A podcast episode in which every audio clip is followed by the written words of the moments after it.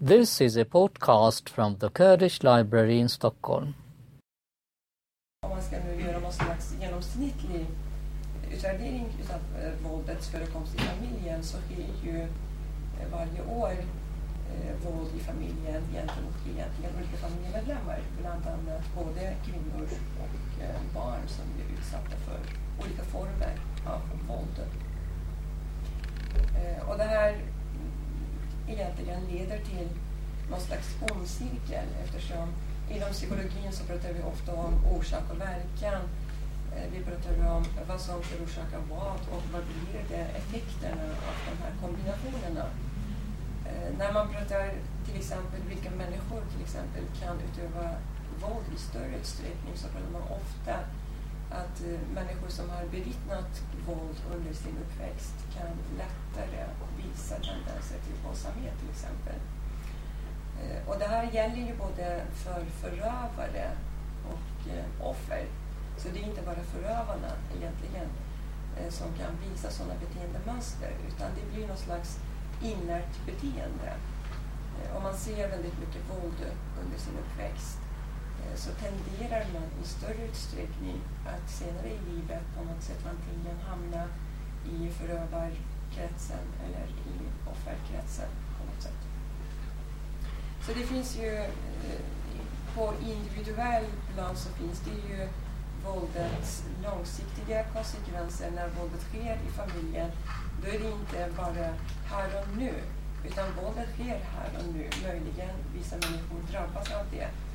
Men det blir något slags socialt arv också, att det går vidare generation efter generation.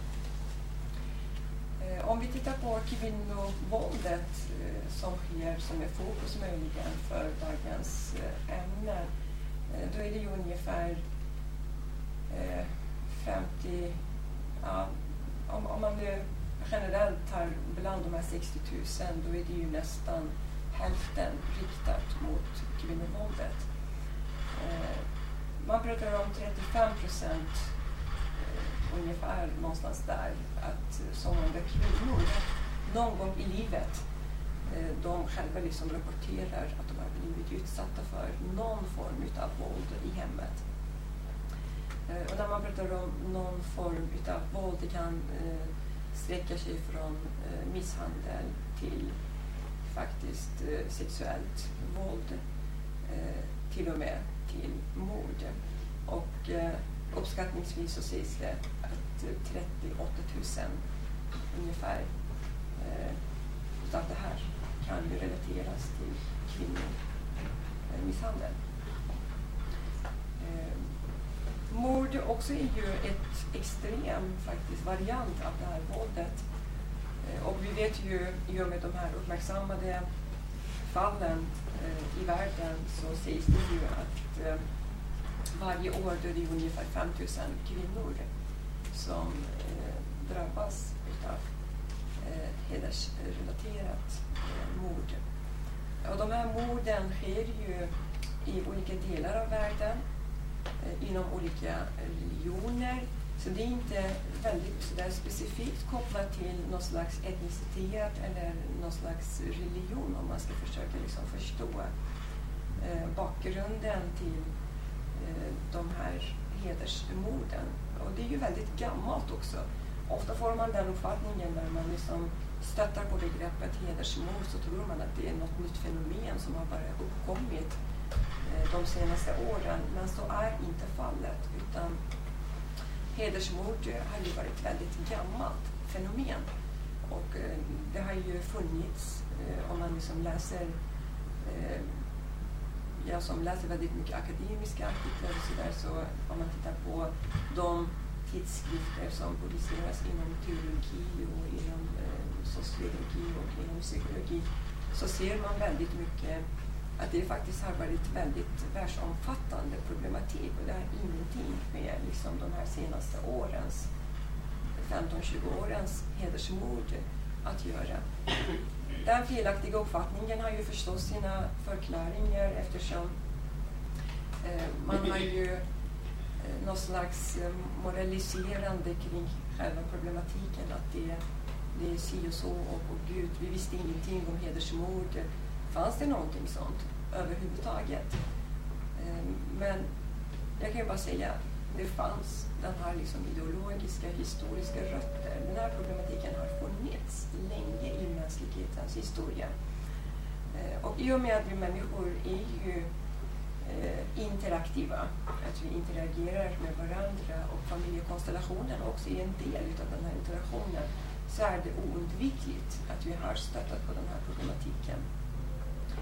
Eh, och eh, Synen är inte någonting nytt heller, hur man tittar på, eh, på kön till exempel. Eh, om man ska nu försöka liksom se det och hur man definierar begreppet heder.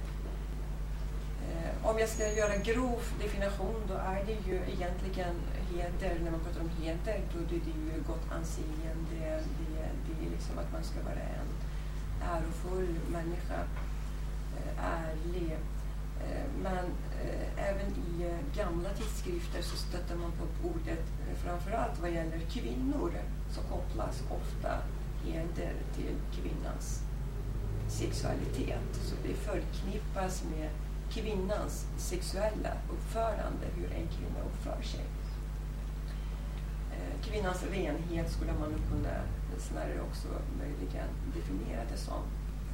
Eh, att en kvinna ska vara ren och orörd tills ingången liksom, eh, relation med någon annan ärbar människa som kan betrakta det här som ärofull och ren.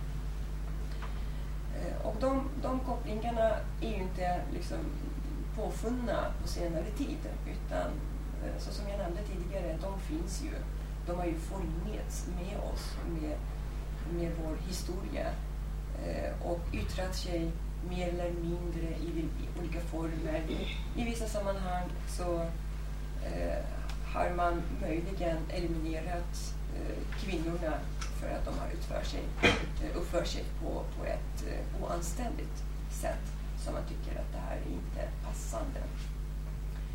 Eh, på, på det här sättet så är det ju, när man pratar om just eh, själva begreppet, ofta hederskultur, som har blivit också väldigt mycket populär begrepp. Och då måste man förstå alla de här mekanismerna runt omkring själva begreppet. Vad är det som gör att det här fenomenet kvarlever i vissa samhällen i större utsträckning jämfört med andra samhällen?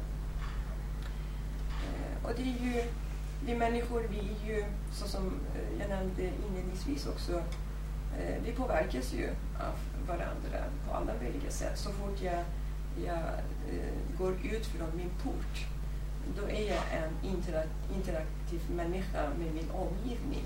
Och i den interaktionen så råder ju vissa normer, vissa värderingar som ställer krav på mig som individ också, hur jag ska bete mig.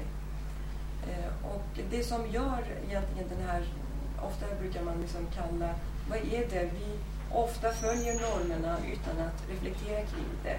Men så fort någon bryter mot den här normen, det är ju då den här normen blir synlig. Annars uppmärksammar man inte den här normen. Eh, vi går och beter oss på ett visst sätt utan att reflektera kring det. Eh, och hedersnormen har ju funnits med oss hela tiden, levt kvar i samhällen. Eh, vi har inte reflekterat kring hur den här normen påverkar oss, vilka konsekvenser den här normen leder till. Tills den kommer till en viss punkt där vissa extrema handlingar yttrar sig. Där möjligen någon tjej eller någon kvinna bryter frivilligt eller ofrivilligt mot den här normen. Och det är ju där vi börjar liksom uppmärksamma, aha, här finns det en norm att försöka brottas med. Eh, och den här normen eh, är ju väldigt etablerad i, i vissa delar av världen fortfarande. Och möjligen yttrar sig i olika former. Kanske inte hedersnorm i västvärlden just nu, eh, så som om man skulle nu samla många feminister här, ingen skulle acceptera att det finns hedersnorm. De skulle säga nej, det här är inte hedersnorm. Men i grund och botten, då handlar ju egentligen om, om man ska liksom fördjupa sig i själva fenomenet, gå tillbaka, försöka liksom se rötterna till problematiken, så kommer vi komma till samma slutsats. Att det i grund och botten handlar om ett och samma, liksom ett och samma fenomen. Men yttringarna, det yttrar sig på olika sätt. Eh, så vi har inte egentligen i vår utveckling kommit så långt. Det är det som jag ska försöka liksom komma fram till. Eh, oavsett eh, hur vi gör, om vi eh, misshandlar, om vi eh, trycker ner det andra könet, eh, om vi kallar det för svartsjuka, om vi kallar det för någonting annat, om vi kallar det för hedersmord, så är det ju i grund och botten samma problematik som är riktat mot vissa individer i samhället som faktiskt blir förtryckta på grund av den här normen. Eh, och eh, om vi vill på något sätt uppmärksamma konsekvenserna också så måste vi förstå också att vi alla berörs av det. Eh, och jag brukar säga på mina föreläsningar när jag föreläser för studenterna också, eller andra kretsar, ingen får egentligen dra sig bakåt och säga jag berörs inte av det här. Utan vi alla berörs av det lika mycket. Vi är alla en del utav det här. Eftersom det sitter väldigt djuprotat i oss allihopa. Det gör det. Hur vi ser på oss själva, hur vi ser på andra människor. Så den här, den här liksom genomsyrar hela den mänskliga egentligen eh, varelsen, skulle jag nog kunna uttrycka det som. Eh, och det händer inte bara där borta, någon annanstans, bland vissa människor som vi inte kan identifiera oss med. Utan eh, när jag började forska så hade jag väldigt många frågor och jag ville ju verkligen förstå de, de här mekanismerna. Vad var det som gjorde att vissa människor möjligen kommer till den punkten att de kan begå eh, ett brott i den här sorten gentemot någon som den här människan egentligen älskar. Eh, eftersom eh, när vi pratar om hedersproblematiken så sker det ju ofta av någon närstående. Det är ju antingen eh, flickans far eller flickans eh, bror eller farbröder eller morbröder eh, eller någon annan manlig närstående. Och då gör ju den här om man, om man nu ska försöka liksom förstå eh, brott som sker utanför familjen av människor som man inte har någon relation till i förhållande till brott där man har någon slags egentligen känslomässig relation till. Och i det här fallet när brotten sker i familjen, om det är mellan paret, relation alltså, i parrelationer, och eh, om vi ska koppla det till hedersproblematiken, då är det ju sådana brott eh, som verkligen väcker väldigt många Eh, emotioner, väldigt många känslor. Eh, och de där känslorna, eh, eftersom vi bara pratar om skam i den bemärkelsen att när människan förlorar sin heder så är det ju eh, en skam för familjen. Men det är ju lika mycket skam när, när den här familjen egentligen dödar eh, sin egen eh, familjemedlem. Och skammen försvinner aldrig. Det blir ju en fläck som eh, den här befläktade skammen blir ju någon slags varaktig skam som inte försvinner. Eh, skulden likaså, när vi pratar om skuld. Eh, om jag skulle döda någon annan människa som jag inte har någon relation till, eh, min skuld i den frågan, psykologiska skulden, skulle varit eh, någorlunda faktiskt mindre jämfört med när jag begår ett brott mot någon som jag har någon relation till, som jag älskar. Eh, så både de här begreppen skam och skuld tycker jag bör ju analyseras på ett annat sätt när det gäller hedersrelaterade konflikter eh, och när det gäller liksom familjevåld. I den här konstellationen så är det ju inte bara enskilda individer som upplever de här bördorna heller, utan det är ju flera parter i, i, i den här situationen som upplever de här fenomenen i någon slags växelverkan. Både förövare och, om vi ska nu titta på offerperspektivet, då är det ju någon slags ömsesidig eh, affekt som, som både liksom pendlar mellan, mellan förövare och eh, offer. Eh, när jag pratade med eh, en av mina informanter när jag skrev min avhandling eh, så sa han att jag skulle betala hela min förmögenhet eh, för att få min dotter tillbaka. Och det väckte ju väldigt många tankar och känslor hos mig själv också som funderade väldigt mycket på eh, just eh, det han sa. Eh, och det, är ju, det innehåller ju väldigt mycket eh, djupaste, djupaste skuldkänslor skulle jag nog kunna definiera det som.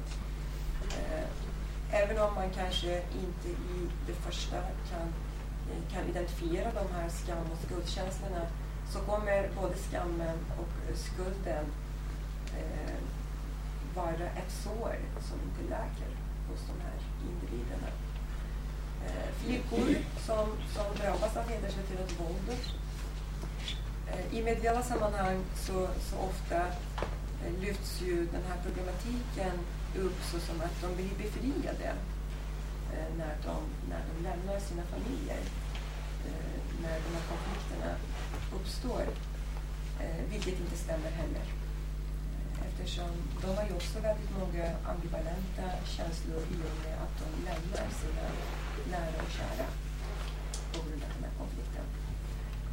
Eh, så i mitt arbete så försöker jag både eh, egentligen kämpa mot en massa stereotypifieringar, eh, en massa kategoriseringar, en massa dikotomiseringar.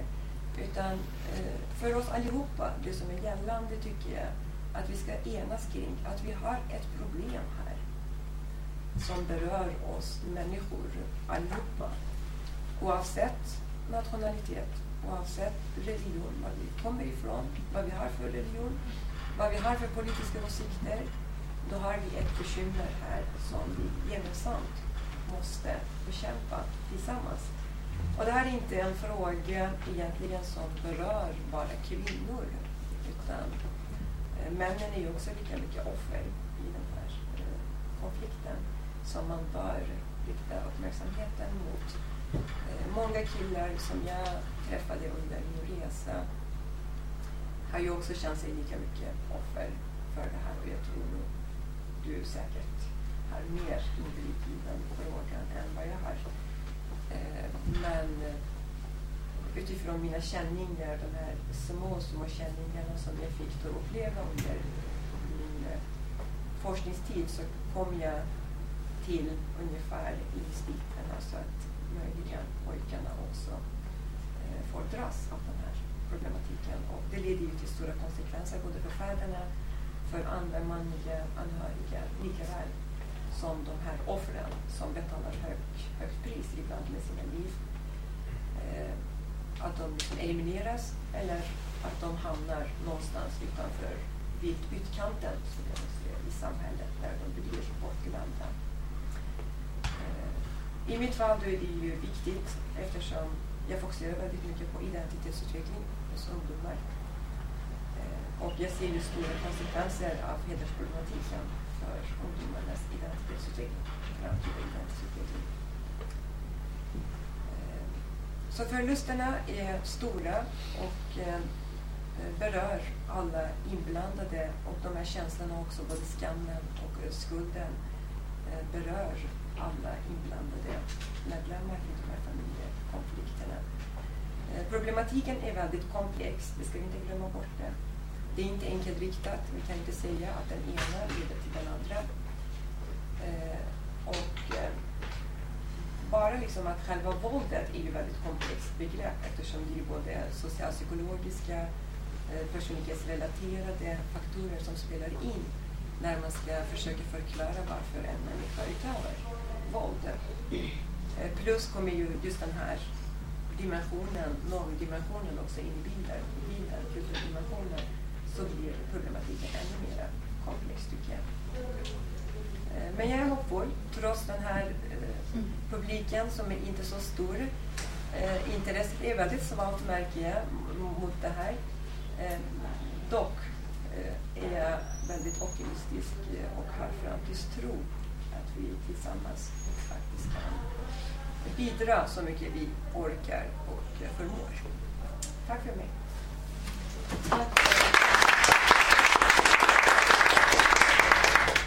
För dina jätteviktiga synpunkter. Nu vi bjuder in eh, John Okej.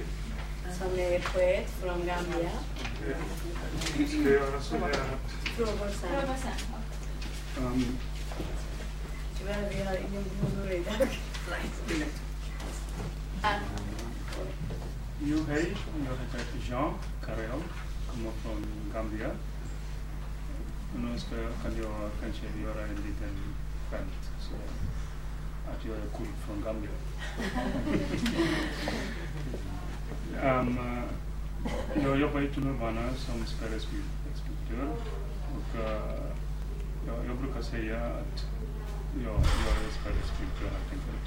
Ibland man glömmer att man har utbildat sig lite grann i, i varje grej. Men um, jag började skriva dikter faktiskt som en liten grabb. Jag kommer ihåg när jag gick i high school i Gambia att jag vann ett pris faktiskt. Jag skrev en riktigt fin, en riktigt fin poem och fick av, en pris av presidenten. Jag glömmer alla de här grejerna. Först när det här som jag tänker på. Men jag tänker på som någon författarinna som skrev den här Kolla Popo. Jag vet inte om ni känner till. Hon säger att det är andarna som pratar med henne. Som har, men ibland det känns det så för min del att när jag lägger mig på nätterna, jag kan inte sova innan jag skriver en poem. Så jag brukar faktiskt nästan skriva en om dagen. Jag har blivit inte så mycket uh, på det viset. Men uh, jag gav ut den här 2008. Jag skrev den på två veckor. Jag skrev ut typ fyra, fem om dagen. Och jag kunde inte sova innan jag kunde få ut allt utlopp. Alla traumatiserade sakerna som nu ser, som man ser i TV och sånt där. I synnerhet Men första dikten i den här samlingen då faktiskt har jag dedikerat till Fadime. Och uh, eftersom den var så mycket i media och sånt där, det var en sån tragisk händelse så tror jag att det berörde inte bara alla folk i, i Sverige, den här, och hur media hanterar det här på ett sätt som utnyttja den här familjens tragedi. Men hur som helst, jag gav ut den här och uh, jag tänkte så här att jag ska aldrig mer göra det som någon grej, skriva på två veckor på gaming på internet och bara ge ut eftersom mina texter, de är så arga att uh, det är som rapmusik Va? Men det får mig att tänka på vad Tupac sa när han, kanske han verkar inte så, han är lite kontroversiell. Men att de, man tänker på de svartas historia i USA. Att först de ber att komma till vita mannen, snälla kan ni ge oss lite mat, kan ni bara ge oss lite rättigheter och sånt där. Och sen, men han sa ju någonting sånt. Och sen eh, om du kommer till ett hotell och det finns glass och folk sitter där och äter fint, fina middagar. Om man är hungrig och trött och man kommer och ber snälla kan du få lite mat och så får man ingenting och sen nästa dag kommer man och säger jag vill ha lite mat som det, och nästa gång man kommer skrika och gapa och, och det, jag tror att det är det som behövs i kvinnokampen. Att uh, kvinnorna har ju varit så här att liksom, man försöker förstå det här. Och jag tror att uh, ibland måste jag faktiskt justera mina texter så att de inte blir som rapmusik. Men nu ska jag börja med Dagen till ära. Så när Narrows hade kontaktat mig så skrev jag faktiskt fem dikter. och det är de som, kan du Åsa, kan du dela ut Vi kommer. Det hörs inte så bra. Kan du göra någonting med, med, med lite, lite högre? Gärna. Ja, kan du prata högre? Jag tror Ja, att, ja, eftersom, ja, hur som helst så skrev jag fem, fem dikter dagen till ära. Och jag, de, den här samlingen som jag gav 2008 och inte läst sen dess nästan, så har jag faktiskt väldigt mycket om hedersrelaterat våld i början. Men den här hade jag faktiskt uh, dedikerat till um, alla typer av kamper. Och om vi tänker då, då att de svartas kamp till exempel i USA, och inte bara i USA och i Afrika, med slaveri och allt det här. Vi, idag kan man säga är väldigt likt kvinnokampen. Om vi säger, och då tror jag att kurderna i synnerhet, med kurder, är liksom, ett, ett folkgrupp som har varit väldigt förföljda. Den här, alla som kämpar för sina rättigheter har ju någonting gemensamt. Att liksom man vet verkligen hur det känns att bli diskriminerad i sitt eget land och allt det här. Men nu idag handlar det om just det här om kvinnornas rättigheter. Och um, jag har skrivit fem starka dikter och eh, nu ska jag ta bara och läsa den där första som var dedikerad till Fadime, en kort dikt på engelska. Och den heter Fadime. Embraced we are this beautiful country. From war, oppression, torture, we flee. We all come here, land of our choice. Everyone knows generous they are, good they are, but godless infidels. Their country we love, but not to mix. Our kin we marry, our traditions we follow, our women, our home. Shot to death, my own father, my crime, a sweet to love. Var en korta då, då till Fadime. Då. Jag har ju en som då, då, som följer också det här med andra, um, saker som handlar om, jag hade inte tänkt läsa det här. Och um, det just de här dokumentären, som många dokumentärer som man har sett på TV, blir så upprörd om att till exempel i vissa delar av världen att en kvinna som blir våldtagen, att det är hennes fel. Hon måste ha gjort något fel. Liksom. Och den här, den heter Honom. Her virtue, their pride, the honor of family, clan, to guide with her life, death to part her with. This honor she brings to family clan, a whore she is, flaunting herself for the taking. A Muslim she can't be, undesirable even, her crime bigger than Christianity convert. Love we do you, till your virginity we give, man of our choice, your blood our honor, sacrifice she must, her blood to wash the sin, her shame, a prey for being. Choose you must, your hand, hand of your dear brother, your blood our honor regain. My sin, my sex, my carelessness, my stupidity, jeopardize their precious honor, my blood, my life.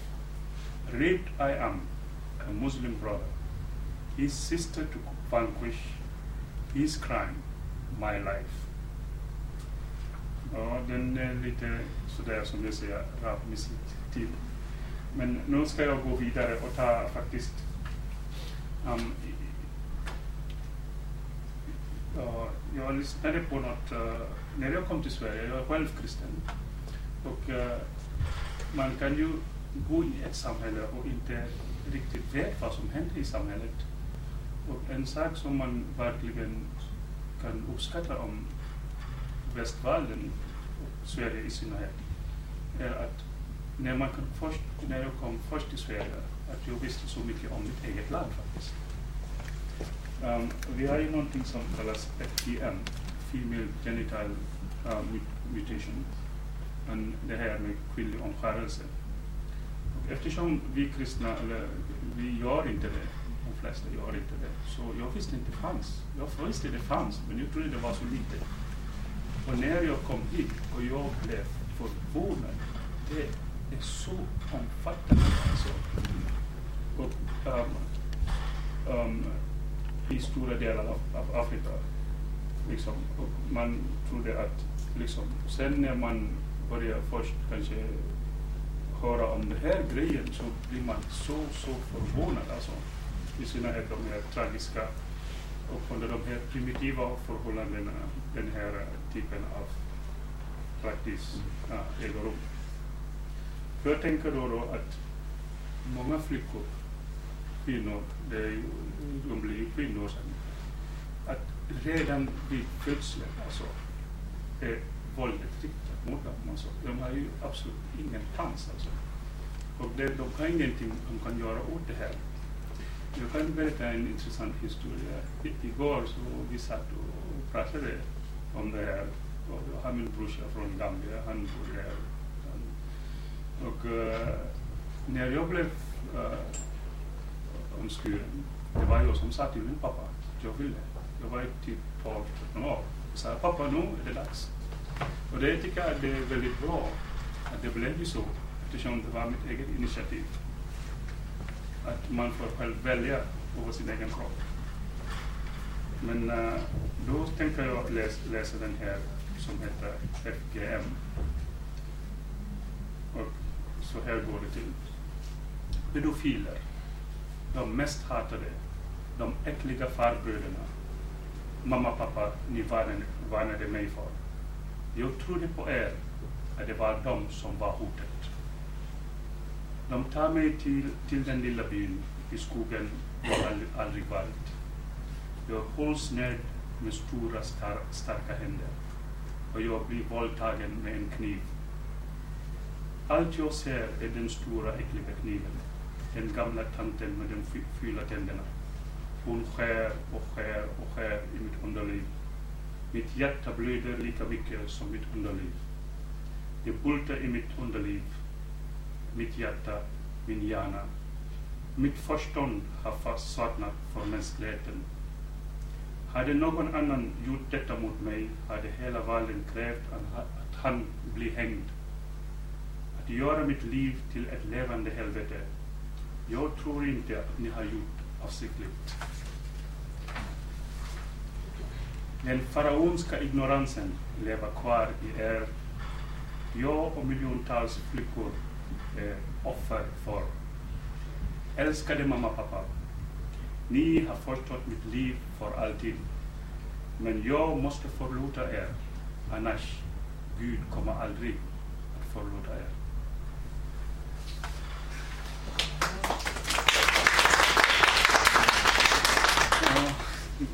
Den, den var just, min fru ville inte jag ska läsa det. Men jag tyckte att jag vill bara visa en annan, många sanktionerade våld som man vill inte tänka på. Um, att uh, det är så mycket, mycket våld mot kvinnor redan som små flickor eller så, så vidare. Va?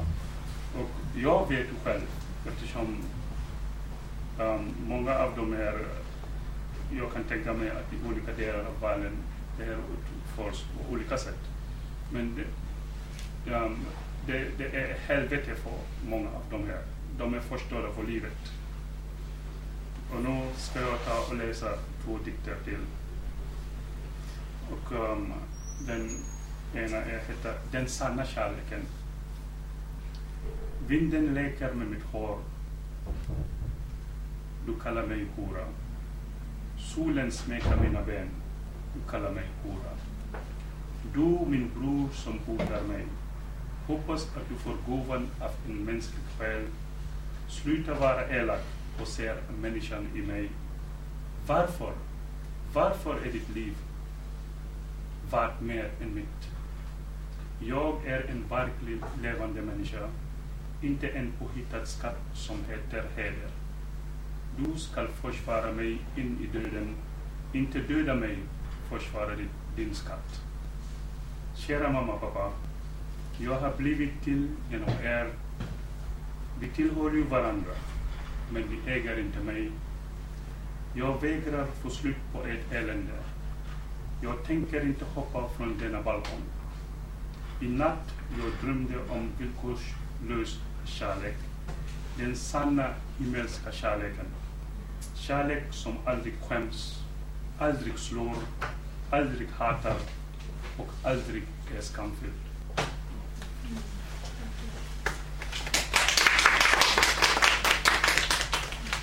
Och nu ska jag läsa den, den, den sista då, då. Den här var ju faktiskt, om man, om man känner till Gibran, att uh, den, i början där man ser när, om hur man ska klä på sig. Då han sa att ni ska solen behöva göra bra. Och uh, den här som jag skriver som heter Kvinna faktiskt har jag tagit från en av mina dikter här som handlar om, om kolonisation som heter Colonize. Uh, och då har jag bara tack, gjort det till en feministisk test, från, eh, bara från en svarta som har blivit koloniserad och förlorat sin identitet till att någonting och vända bara på, på det och gjort det feministiskt. Um, brutna drömmar, brutet hopp, bruten kropp, denna mosaik älskar hata. Erbjuda mig guld, diamanter flickor älskar, gör lyckliga. Ett vackert hem, fängelse, många ungar dyrkar. Vem är jag? Din äkta hälft, din jämlike, din slav, din madonna hora. Kalla mig inte hora, hynda eller haram. Du kallar dig man, jag kallar mig kvinna. Utan mig finns du inte.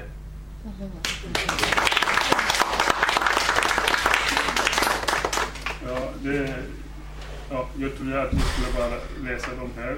Och eh, det finns ju några kopior så om man Vi, vill. vi kan. Ja, precis. Ja, jag, Tack så jag jättemycket. tackar för mig. Tackar, tackar.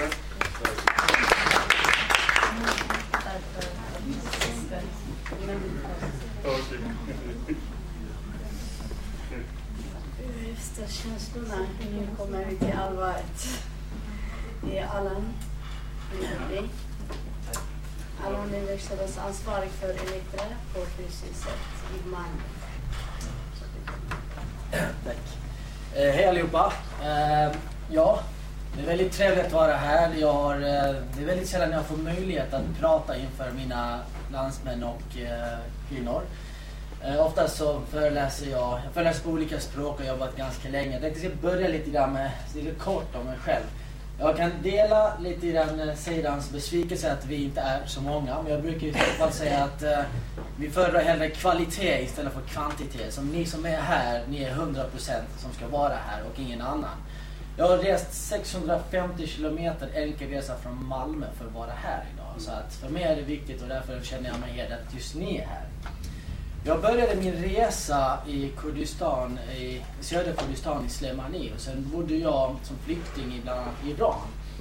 Eh, jag ska prata lite grann för er om maskulinitet och eh, det ofrivilliga val som vi som män gör. Saker som vi inte är eh, födda till att göra utan socialt anpassas till det och tvingas in i olika roller. När jag var tio år då bodde vi som flyktingar i Iran, i Teheran, Irans huvudstad. Och eh, för att jag var kille så behövde jag hjälpa till med familjeförsörjningen och då sålde jag cigaretter bland 12-14 miljoner invånare varje dag. Eh, något som lärde mig att eh, våld ibland kan lösa konflikter. Det lärde mig också ibland kunde vara bra att ljuga i vissa sammanhang. Det också ibland var att rymma, att springa. Men framförallt att en sak ska du alltid ha kvar. En riktig man stannar kvar och slåss. För att du ska inte springa med svansen mellan benen. Och det här är metaforer som är väldigt viktiga för hur maskulinitet byggs upp. Jag kom till Sverige när jag var 12 år gammal och eh, ganska tidigt så hamnade jag i en maskulin värld där jag bland annat då gillade motorcyklar, bilar och liknande så jag blev bilmekaniker och i skolan så umgicks jag bara med män och en kategori av män där allting handlade om att vara överordnad. Eh, I skolan användes olika metaforer när man skulle beskriva saker och ting inom bilbranschen och oftast var de svaga delarna i bilarbetet associerades till kvinnor. Om någonting var nära eller var väldigt skör då kunde man säga att det är på damhåret, liksom, att det är mjukt, att det är bräckligt, att det är svagt. Ehm, vidare, när det var trångt i motorrummet när man ska komma till och göra det, då brukade min lärare skoja om och säga så här Ja, det är trångt som under bröllopsnatten. Med associationer då till att man ska vara oskuld under bröllopsnatten och att kvinnan ska vara trång och så vidare.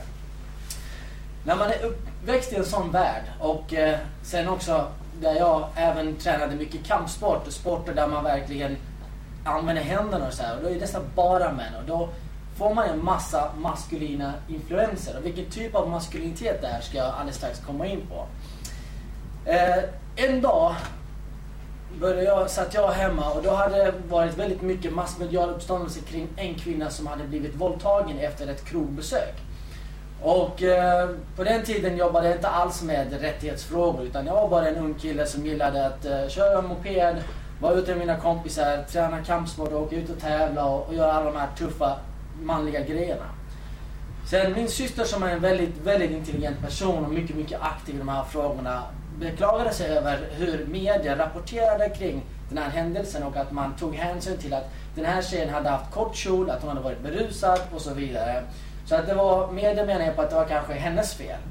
Och när min syster pratade emot det, då sa jag såhär, ja men hallå, sa jag. Har hon betett sig som en dålig kvinna så får hon skylla sig själv. Och plötsligt var jag tvungen nästan att kasta mig ner på marken för min syster blev så arg. Hon kastade en blomkruka på mig. Och eh, jag reste mig upp och var rasande. Bara, Vad i helvete håller du på med?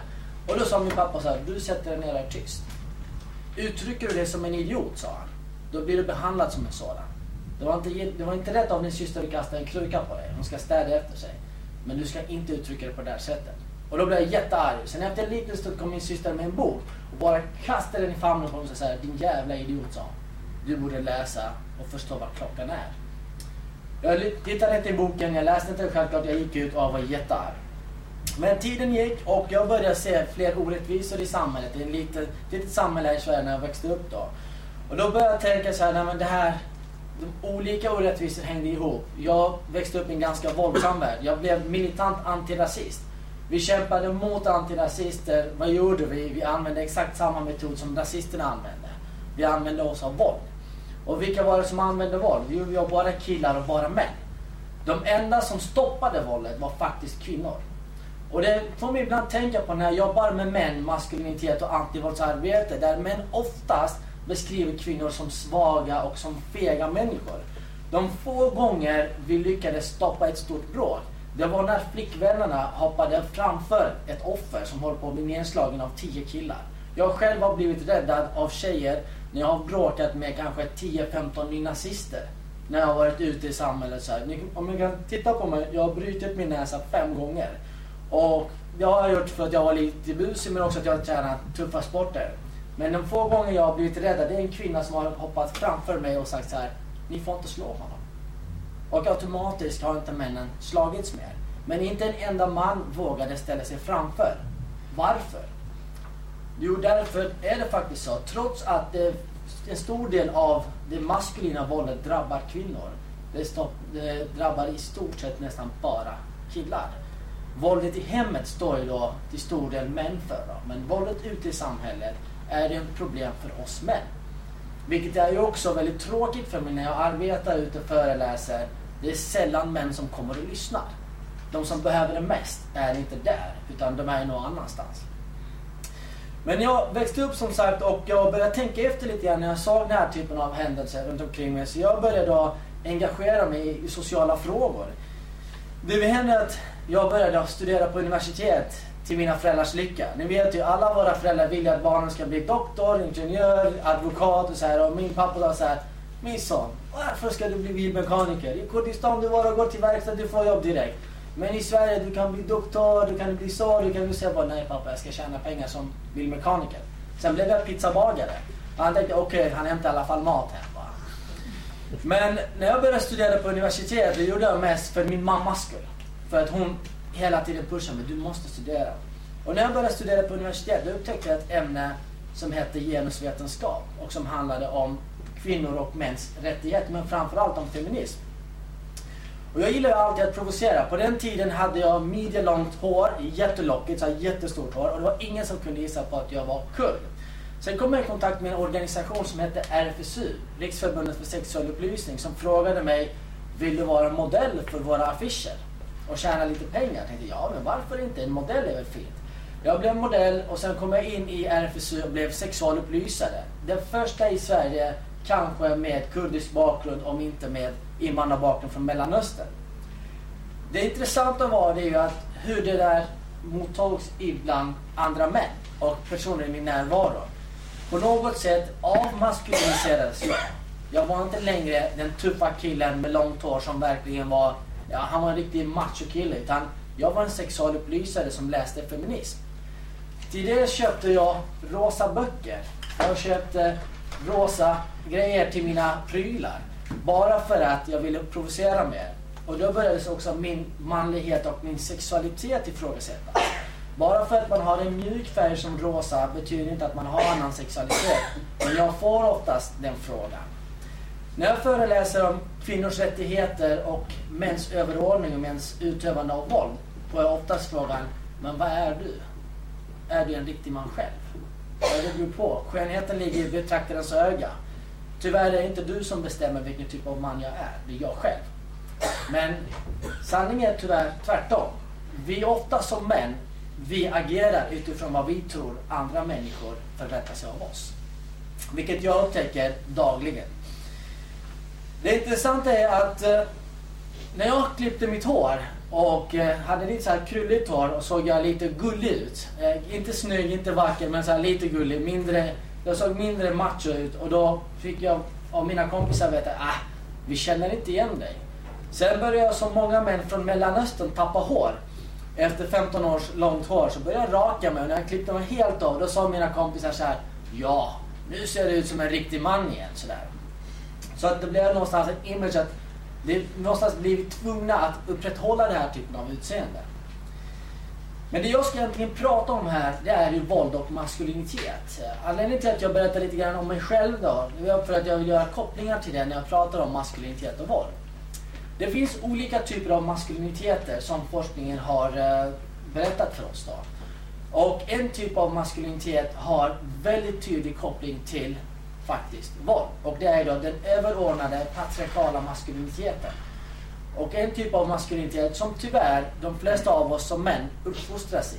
Framförallt inom eh, grupper där män vill jättegärna vara riktiga män och kunna få bestämma. Och om man gör en jämförelse med andra män som faktiskt upprätthåller det här. Och det är då till exempel, har ni någonsin sett en kung självmant lämna sin makt? Utan kungen måste med våld bli avsatt. Eller så måste han dö. Eller bli mördad av sina söner för att de ska då ta makten över honom. Eh, en kung säger aldrig så här, men nu är jag tillräckligt gammal. Utan någon annan får ta över. Det var ett land i världen, jag kommer inte ihåg om det var i Holland eller vad det var, där kungen nyligen faktiskt avgick själv. Eller om det var i, i Holland eller Belgien. Belgien. I Belgien. Och då var det så här att, då tänkte jag wow, äntligen kan jag nämna ett positivt exempel i världshistorien inom monarkin där en man självmant lämnar ifrån sig makten till nästa person. Och det kallas ju oftast för omogen maskulinitet. Där en man kan komma till insikt och säga men jag är färdig nu, någon annan kan ta över. Den omogna maskuliniteten hittar vi oftast inom våldsamt beteende. Där män som inte får som de vill, som de önskar sig, använder gärna våld för att kunna upprätthålla sin överordning och tillförskaffa sig, eller att få, få sig makt. Då. Vi ser det ganska ofta bland ungdomar. Det börjar väldigt tidigt i sandlådan. Får jag inte leka med din spade, då tar jag det ifrån dig. Och då blir det lite djungelns lag, den starkaste överlever. Det här ser vi på stadens gator sent på nätterna. Att när män kommer i argumentation mot varandra och när orden tar slut och man, man inte kan argumentera för sig mer, då börjar man slåss. För inte så länge sedan var jag på en parkeringsplats och det blev bråk om vem som hade rätt till parkeringsplatsen och två män började bråka. Och då kommer jag där och så frågar jag vad är det som händer? Bara, Lägg det inte i, han har tagit min parkeringsplats. Jag ska slå in tänderna på honom. Och då frågade jag honom, en parkeringsplats kostar typ 10 kronor i timmen. Ska du slå ut hans tänder? Det kostar flera tusen kronor. Så rent ekonomiskt borde du inte göra det, sa jag. Nej, men eh, han har sagt någonting fult till mig. Vad har han sagt till dig? Ja, han sa någonting om min fru, sa han. Okej, okay, men din fru är ju inte här, sa jag. Och hon har ingenting med det här problemet att göra. Varpå den andra mannen blir jättearg och nu pratar jag sexspråk så jag kunde förstå vad de sa. Och då säger han till mig Går du din mamma sådär, sa han till mig. Ja, om du inte går härifrån så gör jag så med din mamma. Så gjorde jag en väldigt enkel grej. Då sa jag så här, men vänta, du ska få hennes nummer, sa jag. Du kan ringa till min mamma och fråga henne om du får göra så med henne. Jag har ingenting med min mamma att göra, hon är en självständig kvinna, sa jag. Du kan också träffa min pappa medan ändå du ringer till henne, så här. Och han blev helt avvärtad och började skratta. Vad är du för man, sa han. Jag är den typen av man du normaltvis inte träffar, sa jag. Men vet du vad jag kan göra? Jag kan backa ut min bil, tar du min parkeringsplats så slipper ni slå ut tänderna på varandra. Det här är en typ av maskulinitet som aldrig finns någonstans. Vi känner det inom oss men vi vågar inte ge uttryck för det. För om någon skulle kränka en kvinna i din omgivning, det kan du inte tåla. För det var den omogna maskuliniteten, den patriarkala maskuliniteten uppfostrar oss till. Det är också därför vi måste skydda vår så kallade heder. Jag har blivit frågad ibland, liksom, men har inte du någon heder?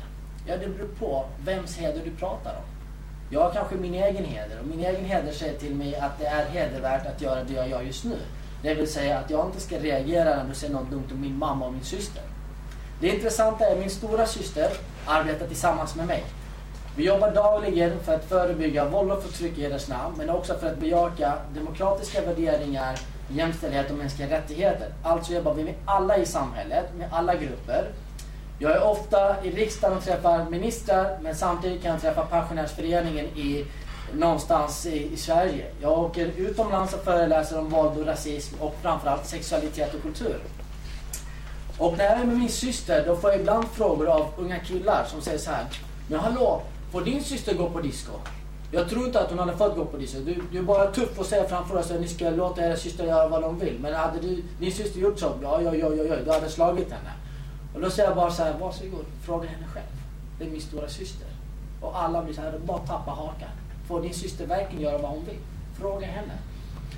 Det gäller inte att bara prata om jämställdhet. Det gäller inte bara att prata om problemen. Det gäller också faktiskt att handla därefter. Att man ska leva som man lär. Vilket jag tycker är en väldigt, väldigt fråga, viktig fråga.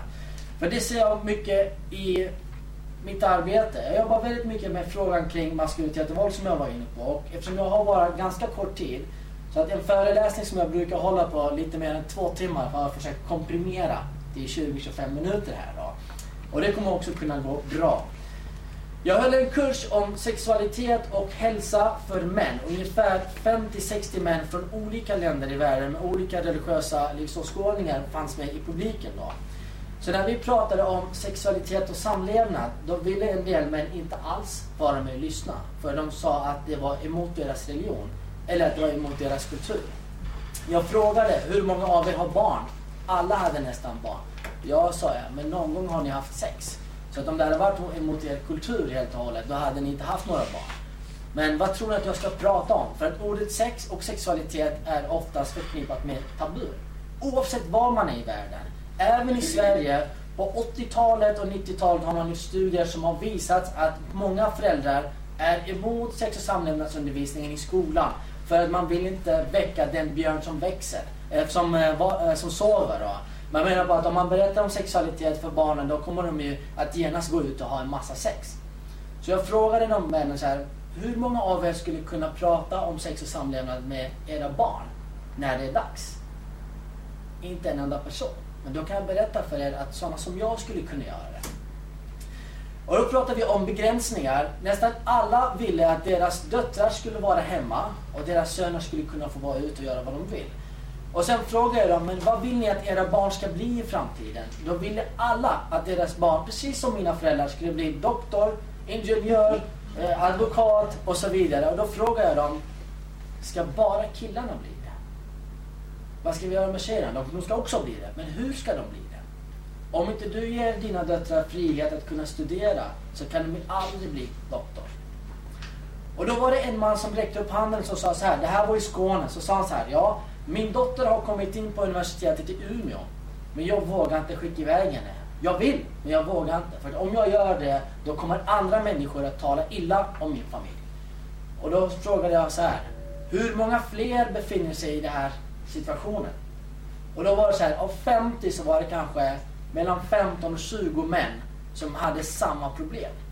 Att deras döttrar hade kommit in på universitet i London och andra ställen, men de kunde inte skicka dem dit. För att de ville att andra människor skulle prata. Då sa jag att lösningen är väldigt enkel.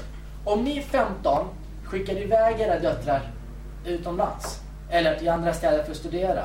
Och om någon skulle prata illa om er, då går ni 15 ihop och säger nej, detta accepterar vi inte. Då skulle det faktiskt funka. För att ett problem som vi har i samhället, vi of, tror oftast att vi är ensamma om våra problem. Att det är bara vi som sitter på de här svårigheterna och ingen annan har det. Men sanningen är faktiskt tvärtom, många har det. Så min metod att arbeta med de här frågorna dagligen. Jag jobbar ute i skolorna med grupper av elever. Jag jobbar på föreningar med, eh, med vuxna. Jag jobbar på, eh, med skolpersonal och med annan personal inom socialtjänsten och andra myndigheter. Där jag försöker ge tips och råd om hur man skulle kunna arbeta och motverka den här typen av problem. Den här typen av överordnad maskulinitet som bygger på mäns överordning och kvinnors underordning. Och inte sällan är faktiskt våld involverad i det här. En sak som Mina har varit inne på som jag har verkligen tagit till hjärtat och som jag faktiskt känner såhär, wow, en person som faktiskt håller med mig. Det är ju att den här typen av våld är inte sanktionerad i bara en viss typ av kultur, en viss typ, för en viss etnisk grupp. Utan det här finns i hela världen. Och därför är det viktigt att det är hela världens problem. Att vi ska göra någonting åt det. Men en grupp som verkligen kan ta åt sig det här och kan göra något det, det är vi män. Det är vi killar som ska ta ansvar. Gudrun Schyman är en väldigt känd person i Sverige och som debatterar kring feminism och kvinnors rättigheter. Jag gillar henne på många sätt, men en sak som hon brukar säga är jag definitivt emot. Och det har jag sagt till henne i debatter där jag har suttit med henne. Tyvärr är jag en, vad ska jag säga, en uthotad art, eller utrotningshotad art i de här sammanhangen. För jag är oftast ensam man som pratar om de här frågorna. Men när Gudrun Schyman och andra säger så här att män måste acceptera att de förlorar på jämställdhet och kunna ta ett steg tillbaka och låta kvinnorna komma fram. Det tycker jag är fel. För att om jag har makten att ta ett steg tillbaka och låta en kvinna komma fram, då har jag faktiskt makten att begränsa henne att ta ett steg framåt och låta henne komma fram. Och det är i sig fel. Jämställdhet är en viktig, ett viktigt steg för oss män och kvinnor att vi tillsammans ska ta ett steg framåt.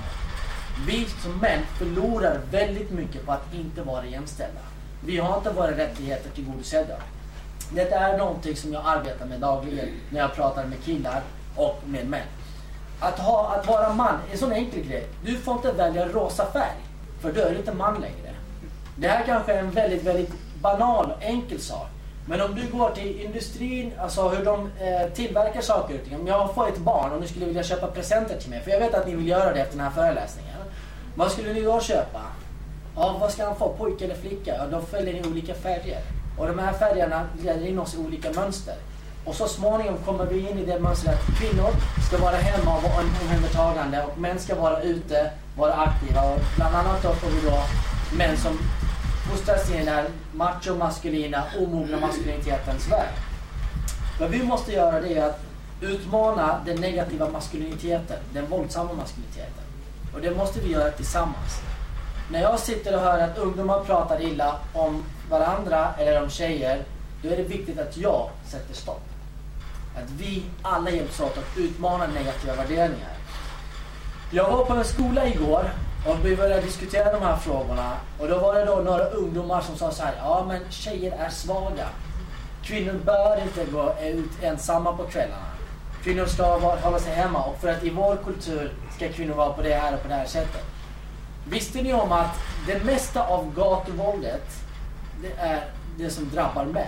Jag som 37-årig man, sannolikheten är 90% större att jag utsätts för våld klockan tre på natten än vad min syster skulle göra. Så hon är 90% säkrare än mig att gå på gatorna. Men jag är garanterat säker på att mina föräldrar skulle känna sig mycket tryggare om jag gick ut klockan tre på natten än vad min syster skulle göra. Det här är ett stort problem. Vi litar inte på kvinnors förmåga att kunna försvara sig själv. Vi litar inte heller då på vår egen förmåga att sätta gränser och utmana mäns och killars negativa attityder. Jag kan ge ett annat exempel. När vi arbetar med många unga killar så är det ofta så här att många av dem har ju då värderingar som är då tenderar att vara överordnade, att de ska bestämma över alla andra. Men väldigt sällan går vi in och bryter det. Samma sak är det när vi sitter och, jag var ju på en förening och så lyssnade en grupp män satt och pratade om andra mäns döttrar. De pratade om allmänt om kvinnor så sa så ja men dens dotter träffar ju den och den killen har vi hört. Dens dotter är tillsammans med en sån man och så vidare. Och så satt jag och lyssnade och så sa ursäkta mig så här hur många av er har döttrar? Allihopa. Så sa men vad säger er att när ni går härifrån att de andra männen inte pratar om just er? Om just era döttrar? Och de var så här, vem är du? sa de. Det spelar ingen roll vem jag är. Vem är din pappa? Det spelar väl ingen roll vem han är. Och då sa jag så här, berättade vem min pappa var. Min pappa är relativt känd och de bara, aha, okej. Ja, din pappa är också stor i käften. Han är också tuff och säger vad han vill. Nej, det handlar inte om min pappa, sa jag. Det är jag som säger det här. Jag tar ansvar för det. Ni kan inte belasta min pappa för det här. Och jag måste säga till er att ni kan inte sitta här och diskutera andra mäns döttrar. Vad de gör på sin fritid, det har ni inte med att göra lika mycket som vad era döttrar gör. Och eh, det tog ungefär några månader, sen träffade jag några av de här männen på en annan föreläsning som jag skulle hålla och då kom han fram till mig och sa så här, vet du vad? Sen du sa det, varje gång jag sitter i ett sammanhang där män pratar om andra människors familjer, då säger jag, citerar jag dig, då behöver jag inte ta ansvar för det, säga att jag tycker så. Men jag brukar säga så här, Ibrahims son sa faktiskt en gång så här. Och genom att lägga skulden på dig så kan jag faktiskt bedriva ditt arbete bland folk. Jag måste avrunda tror jag. Jag har tid. Ja. Så att vi, det viktiga vi skulle behöva göra, både män och kvinnor, det är att faktiskt att bekämpa den omogna maskuliniteten och framförallt att få bort det våldsamma i det.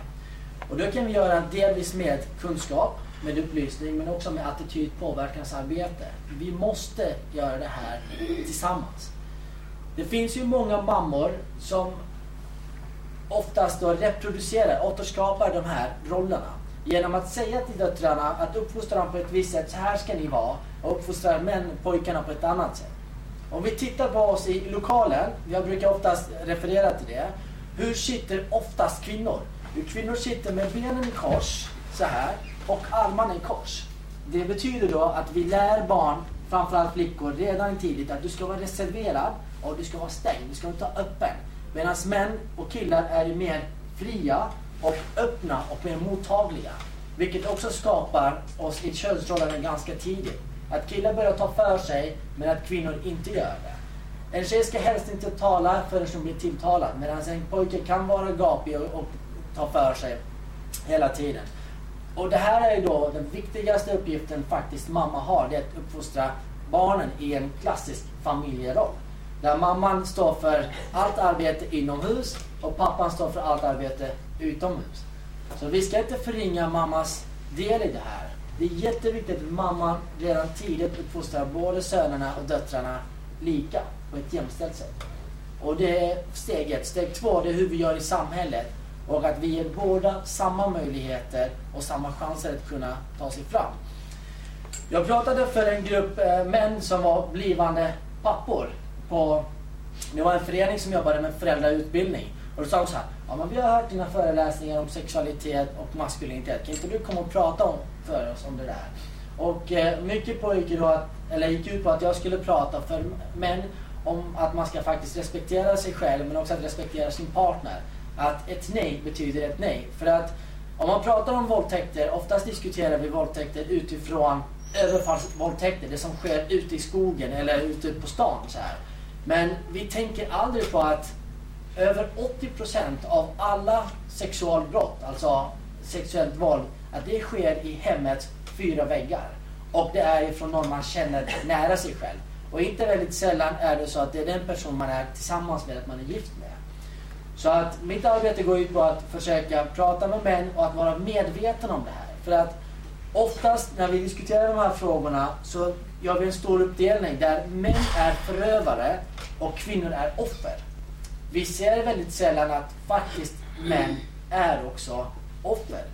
Det var ju det jag delvis började hela min föreläsning när jag berättade om att vi som män, vi väljer inte att bli män.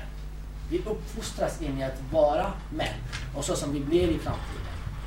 Samhället kräver av oss, den omogna maskuliniteten kräver av oss och vi blir uppfostrade till det. Så därför är det viktigt också att försöka upplysa om det. Bara för att jag kanske har en del rättigheter som kvinnor inte har betyder inte att jag är fri. Jag måste upprätthålla den överordningen. När jag är på parkeringen och den mannen säger så här till mig, lägg dig inte i annars gör jag så med din mamma. Vad händer då? Då tvingar han in mig in i den rollen att jag måste försvara min mamma som inte ens är där, som inte ens hör på. Och då blir jag tvungen in i den omogna maskuliniteten. Då ska jag säga till henne, nej inte min mamma, din mamma. Och då börjar vi bråka. Medan när jag säger till honom, men varsågod ring till min mamma. Hon har ingenting med det här att göra. Då vet han inte vad han ska göra. Så att i det här, förstår ni hur jag menar? Så att vi som män, som killar, är offer för det här och vi måste lära oss ganska tidigt. Men vi har väldigt få forum som är upplysande. Så när jag var på den här föreläsningen och pratade för männen om att ni ska faktiskt säga att om när, när frun säger nej, när din partner säger nej så betyder det nej. Och så tar det ett steg tillbaka.